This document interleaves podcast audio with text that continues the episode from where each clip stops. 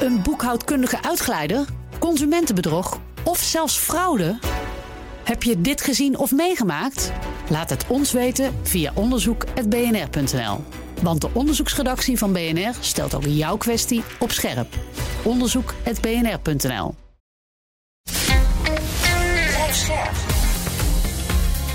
BNR Nieuwsradio. Boekenstein en de Wijk.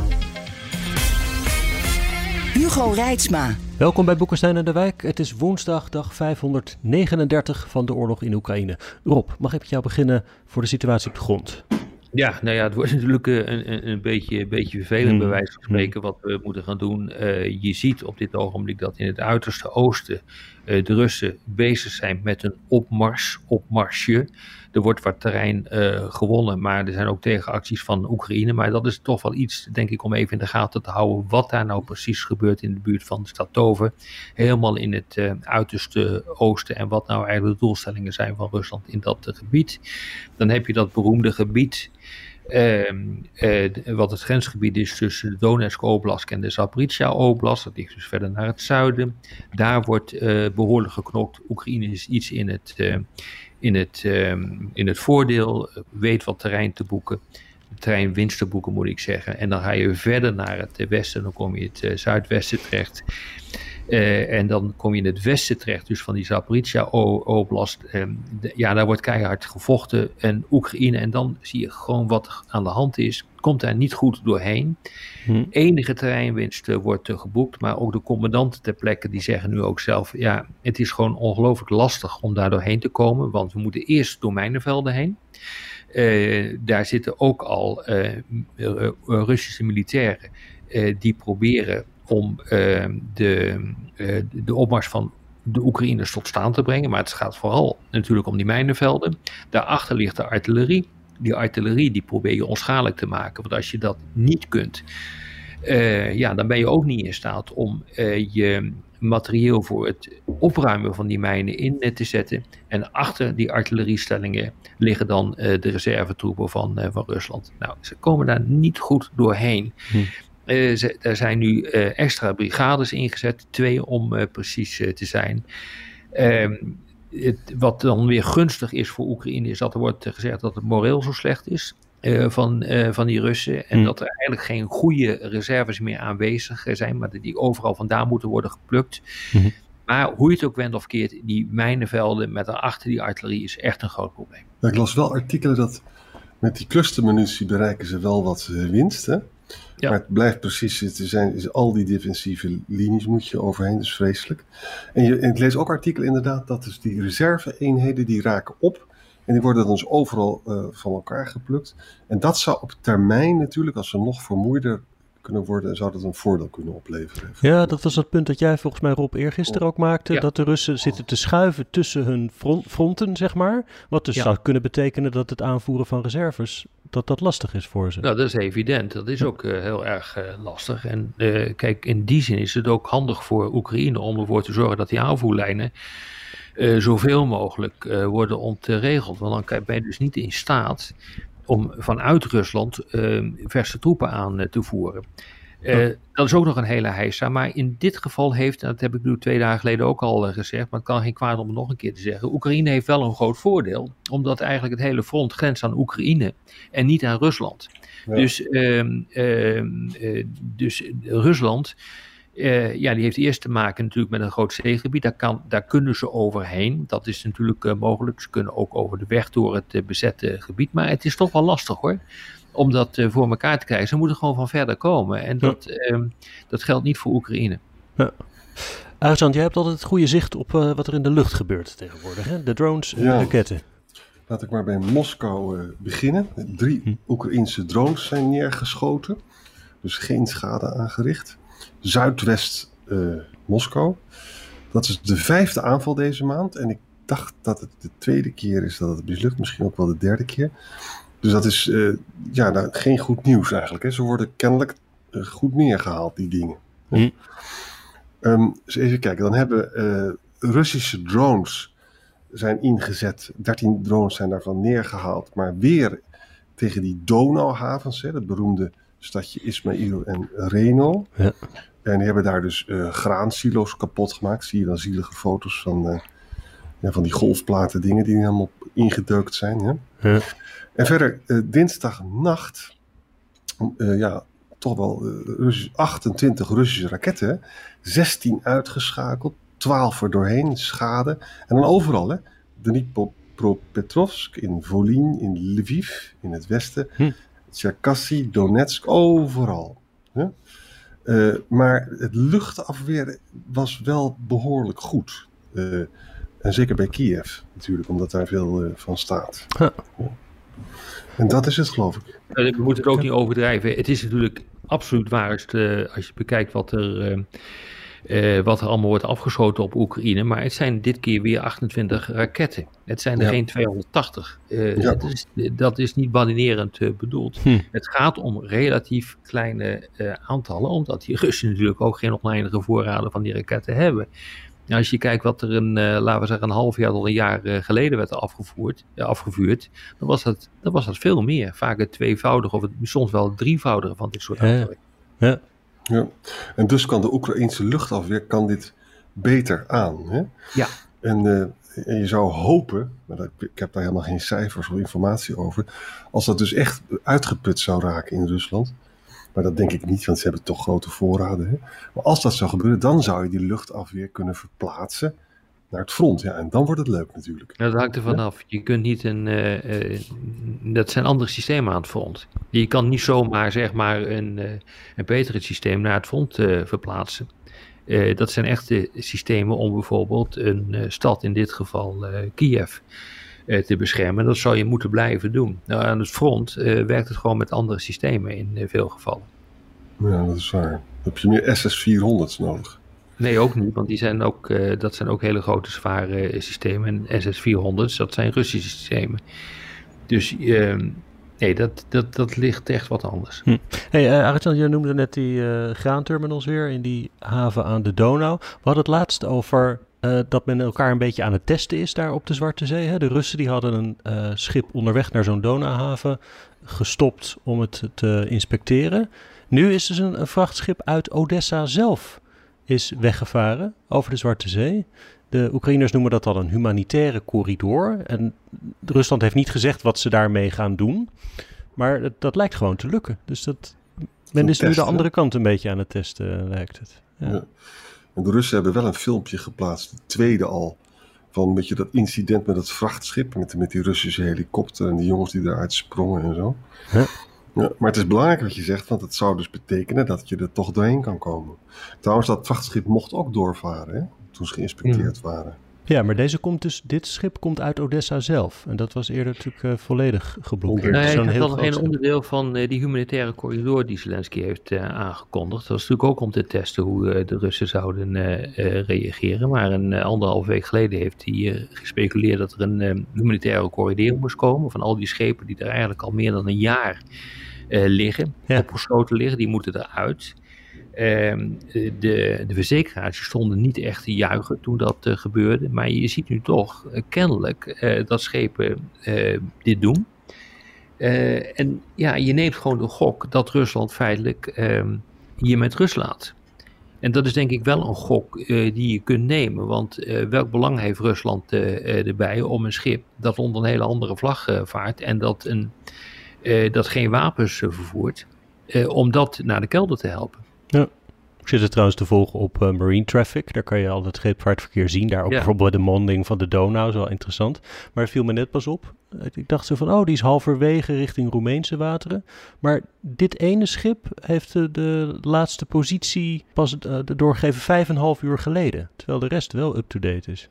Dus het, Oh, dat is ze, interessant. ze zijn of iets vergeten, of eh, ze hebben iets uitgezet. Ik weet het niet. En dat eerste vrachtschip, jongens, dat was dus een, onder de vlag van Palau, weet je wel, die West Pacific eh, Island State. Maar het was een Turks bedrijf. Hm. En ik luisterde naar een podcast over Erdogan en het is ook duidelijk dat Erdogan zou heel graag in de komende dagen met Poetin willen overleggen. En dan wil hij Poetin naar Turkije halen of andersom. En dan hoopt hij dat, er- dat hij een, dan kan hij heel stoer zijn dat hij het zou kunnen oplossen. Ja. Nee, wat je wel ziet, uh, en dat is, dat is ook wel uh, de moeite van het velden waard, is dat uh, Roemenië, Roemenië ook bezig is nu om alternatieven te bieden voor de afvoer van graan. Maar daar gaat het natuurlijk om. En wat Rusland dan aan het doen is, ze proberen natuurlijk toch dat land economisch aan de grond te krijgen. Maar je ziet dus nu dat die Roemenen ook zijn gaan investeren in, in Donauhavens uh, Galati bijvoorbeeld, uh, ligt toch 150 kilometer landinwaarts hoor. En is bereikbaar uh, vanuit Oekraïne. alleen de, tot verbazing van de Roemenen maken de Oekraïners er nog, nog geen gebruik van. En proberen ze te doen ehm, vanuit Ismail en, en Remi. En ja, hoe dat gaat lopen in de toekomst, dat, dat weten we niet. want die, sta, die twee uh, stadjes die ik net heb uh, genoemd, ja, die liggen wel verdomd uh, dicht bij het NAVO-grondgebied. En als je dus die gaat bestoken, dan kan je ook maar zo NAVO-grondgebied raken. En dat kan natuurlijk niet als je dat verder gaat doen in het binnenland van Roemenië. Ja. Ja. als we op het terrein van de economie zitten, misschien maar eens even naar de Russische ja. kijken. Want daar was wel wat aan de hand de afgelopen tijd met de roebel, hè? Ja, mag je wel zeggen, ja. Ja, die is behoorlijk in waarde gedaald, hè. Uh, maar je ziet ook dat inflatie op dit ogenblik enorm uh, aan, het, uh, aan het oplopen is. het, gaat, het, het gaat niet goed.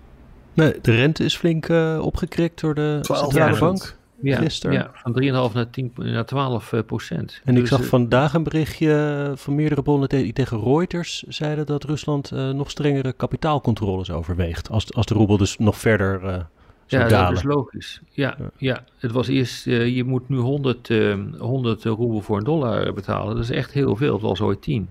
Uh, dus uh, nee, het gaat, het gaat niet goed. Dan zal iedereen roepen van dat is het effect van de sancties. Maar dat uh, schijnt toch niet echt zo te zijn op dit ogenblik. Het ligt natuurlijk echt voor de hand om dat te denken. Mm.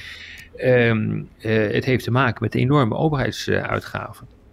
Ehm, uh, die, die heeft ertoe geleid, al die impulsen in de economie, dat de koopkracht ook is gestegen in Rusland, geloof het of niet. Hè? Ja, daardoor, uh, ja, daardoor is die inflatie opgelopen naar 7,6 procent, in plaats van de 4 procent die het doel is van de centrale bank. En die hoge inflatie verzakt dan weer de roebel.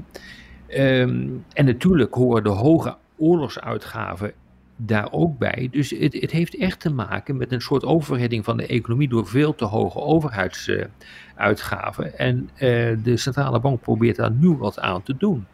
dus dat doen ze dus nu op dit ogenblik door die renteverhoging om die economie af uh, te zwakken. Mm -hmm. Weet je, als je het met de renteverhoging dus niet meer kan redden, zoals nu, hè, dan moet je dus kapitaalcontroles doen. En dan, en dan ben je dus helemaal artificieel bezig. Hè. Dan kan je dus gewoon uh, de, de, de, outflow van Russische roebels kan je dan dus uh, tegenhouden. En de inflow van dollars kan ja. je. Dat is, dat, is, dat, is, ja, dat is heel treurig natuurlijk, maar dat leidt niet tot een heel economisch efficiënt systeem. Ja. ja. Ja, nou, die, die, die, sancties hebben natuurlijk wel enig effect hier ook. Hè? Ja. Um, dus je moet dit soort draconische maatregelen wel nemen om economisch uh, de boel uh, bij elkaar uh, te houden. maar goed, de, de, grote vraag is: heeft het nou enig effect op de strijd in Oekraïne. Hmm. Ja, ik weet niet wat jullie ervan denken, maar ik denk van niet. Op korte termijn niet. Maar nee, als het, nou ja, op langere termijn waarschijnlijk ook niet. Want hmm. wat je hier ziet is dat uh, tot nu toe, en ik denk dat dat het grote probleem voor Rusland is, uh, Poetin weigert uh, om de economie ehm, te herstructureren in de richting van de oorlogseconomie. En dus net doet alsof er niks aan de hand is. En de burger zo weinig mogelijk laat merken van die oorlog. Dus op het moment dat hij dit beleid niet meer kan, uh, uh, kan volhouden van die grote uitgaven en het steunen van bepaalde groepen binnen de bevolking, ja, dan, dan kan hij een probleem met zijn bevolking krijgen. Dat is hm. natuurlijk eerder gebeurd. Hè. Er zijn eerder mensen in opstand uh, gekomen, maar dat zijn ook vaak, ja, vaak de eerste die worden getroffen, zijn natuurlijk de mensen die helemaal niet in opstand kunnen komen. Dat zijn de oude vandaag. Ja, dus uh, ik moet nog zien of dit ook binnenlandse effecten hebben, want, heeft. Want tegelijkertijd eh, moet je ook constateren dat ehm, eh, de interne repressie steeds groter wordt. Ja. Ik zat nog te zoeken of er nou nog recent een goed onderzoek is gedaan naar de effecten van die sancties. En ik vond niet echt iets nuttigs. Maar ik deed me nog terugdenken aan echt alweer een jaar geleden dat we het hadden over de sancties op bijvoorbeeld de reserveonderdelen voor vliegtuigen.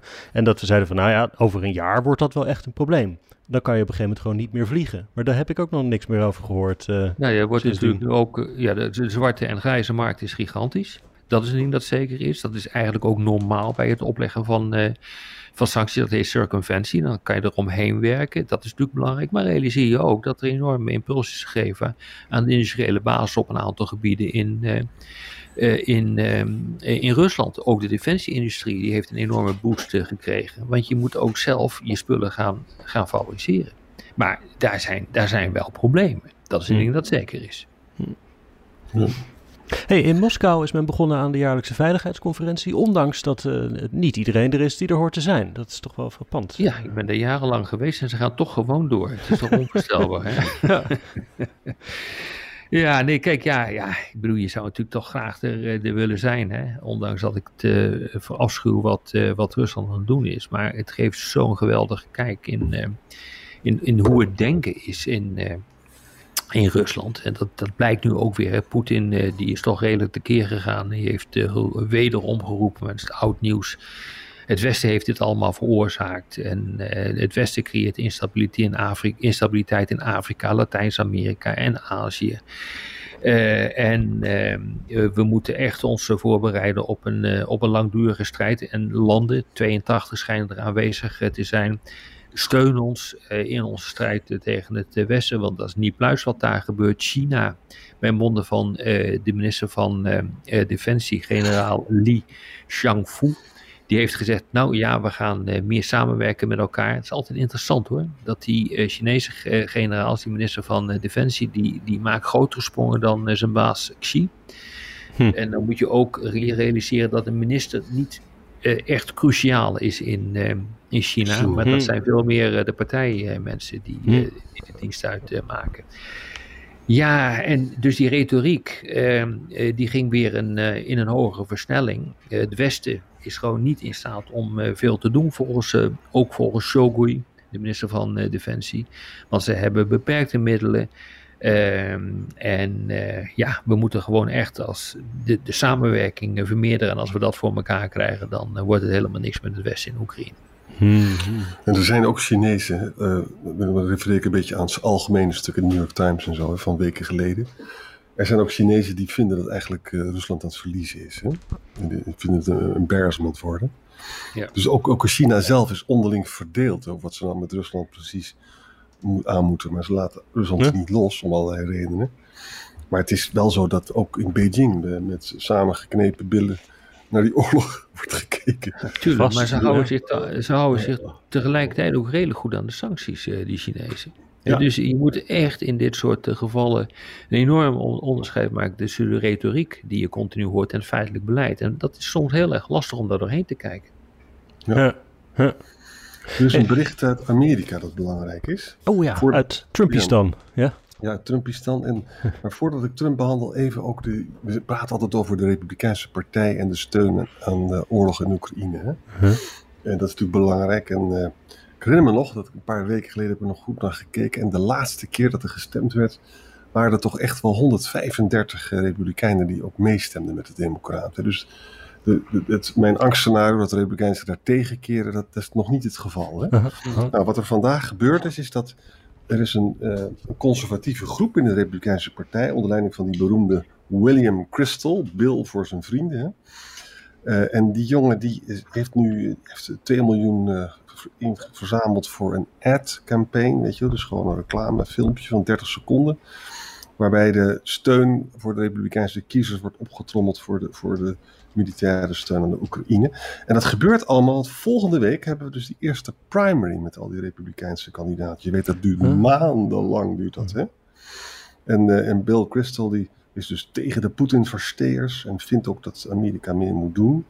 Die organisatie heet Defending Democracy Together. Hè? Hmm. Bill, Bill Crystal is ook iemand die heel erg tegen Trump is. Hè? En gelukkig is het zo dat de meeste Republikeinen zijn natuurlijk, die durven niks tegen Trump te zeggen. Maar het is niet zo dat zij dus eh, Trump geloven als hij zegt, nou als ik president word, ik zal het in één dag oplossen allemaal. Mhm, mhm. Zo gek zijn ze nou ook eh, weer niet. En de tweede jongens, voor het eerst heb ik een positief bericht over Trump. Want kijk, je kunt eindeloos tijd besteden aan al die rechtszaken. En steeds, duurt maar en het duurt maar. En dan lees je dingen in de krant van ja, maar ook, ook als hij in de bak komt, dan kan hij nog steeds president worden. Of hij kan zichzelf gratie verlenen. Ja, ja. Maar, maar het aardige is van die rechtszaak in Georgia, in Atlanta, is dit is op het deelstaatniveau. Hè? Dus niet federaal, maar. En daar kan Trump zichzelf geen gratie tegen verlenen. Ja, ja, ja, ja. En hij kan ook de gouverneur, hè, meneer Kemp als republikein, kan dat ook niet doen. Hè? Dus in deze zaak kan de politiek hem niet redden. Dat vind ik interessant. En het tweede wat ik interessant vind, het gaat niet om Trump alleen, maar het gaat om een heel crimineel netwerk dat hij zelf geleid zou hebben. Hè? En hij heeft dus, eh, je weet, de republikeinse gouverneur daar, die heeft niet gedanst naar de pijpen van Trump. Nee. En ook die hoogste verkiezingsambtenaar met die kleurrijke naam Brad Raffensperger. Want Trump die probeerde daar gewoon extra stemmen te ronselen die er niet waren om alsnog eh, Georgia te winnen. Hè? Dat was het Ja, eh, probleem. Exact. En deze mensen zeggen dat, dat u heeft hem verloren. Dat ga ik niet voor u doen. En die, deze mensen getuigen nu tegen hem. Hè? En niet alleen Trump is aangeklaagd, maar ook Giuliani en nog 18 anderen. En dat betekent dus als Giuliani iets stoms heeft gedaan en die man is in staat om hele domme dingen te doen, Ja. dan is dat ook zeer belastend voor Trump allemaal. Hè? Dus Ja. ik moet je zeggen, jongens, het, het- dit is de meest kansrijke zaak. Alleen, het duurt natuurlijk allemaal verschrikkelijk lang. Hè? En het is nog steeds zo dat het electorale effect kan zijn eh, dat, dat Trump natuurlijk alleen maar groter wordt. Maar ja, Mm. hij kan zich hier dus geen gratie tegen verlenen. Toch interessant. Ja, wat, ik, wat ik echt eh, opmerkelijk vind, en ook weer heel verklaarbaar, is dat ja, eigenlijk de aanhang van Trump door al die rechtszaken alleen maar vergroot is. Ja, Hm. Eh, Dus ik bedoel, eerst met die Stormy Daniels, die, die, die porno-mevrouw. Eh, toen zag je dus al eh, dat de steun voor, eh, voor Trump ehm, eh, ging stijgen. Mhm. En je ziet iedere keer als die rechtszaken komen, dan krijgt hij meer steun.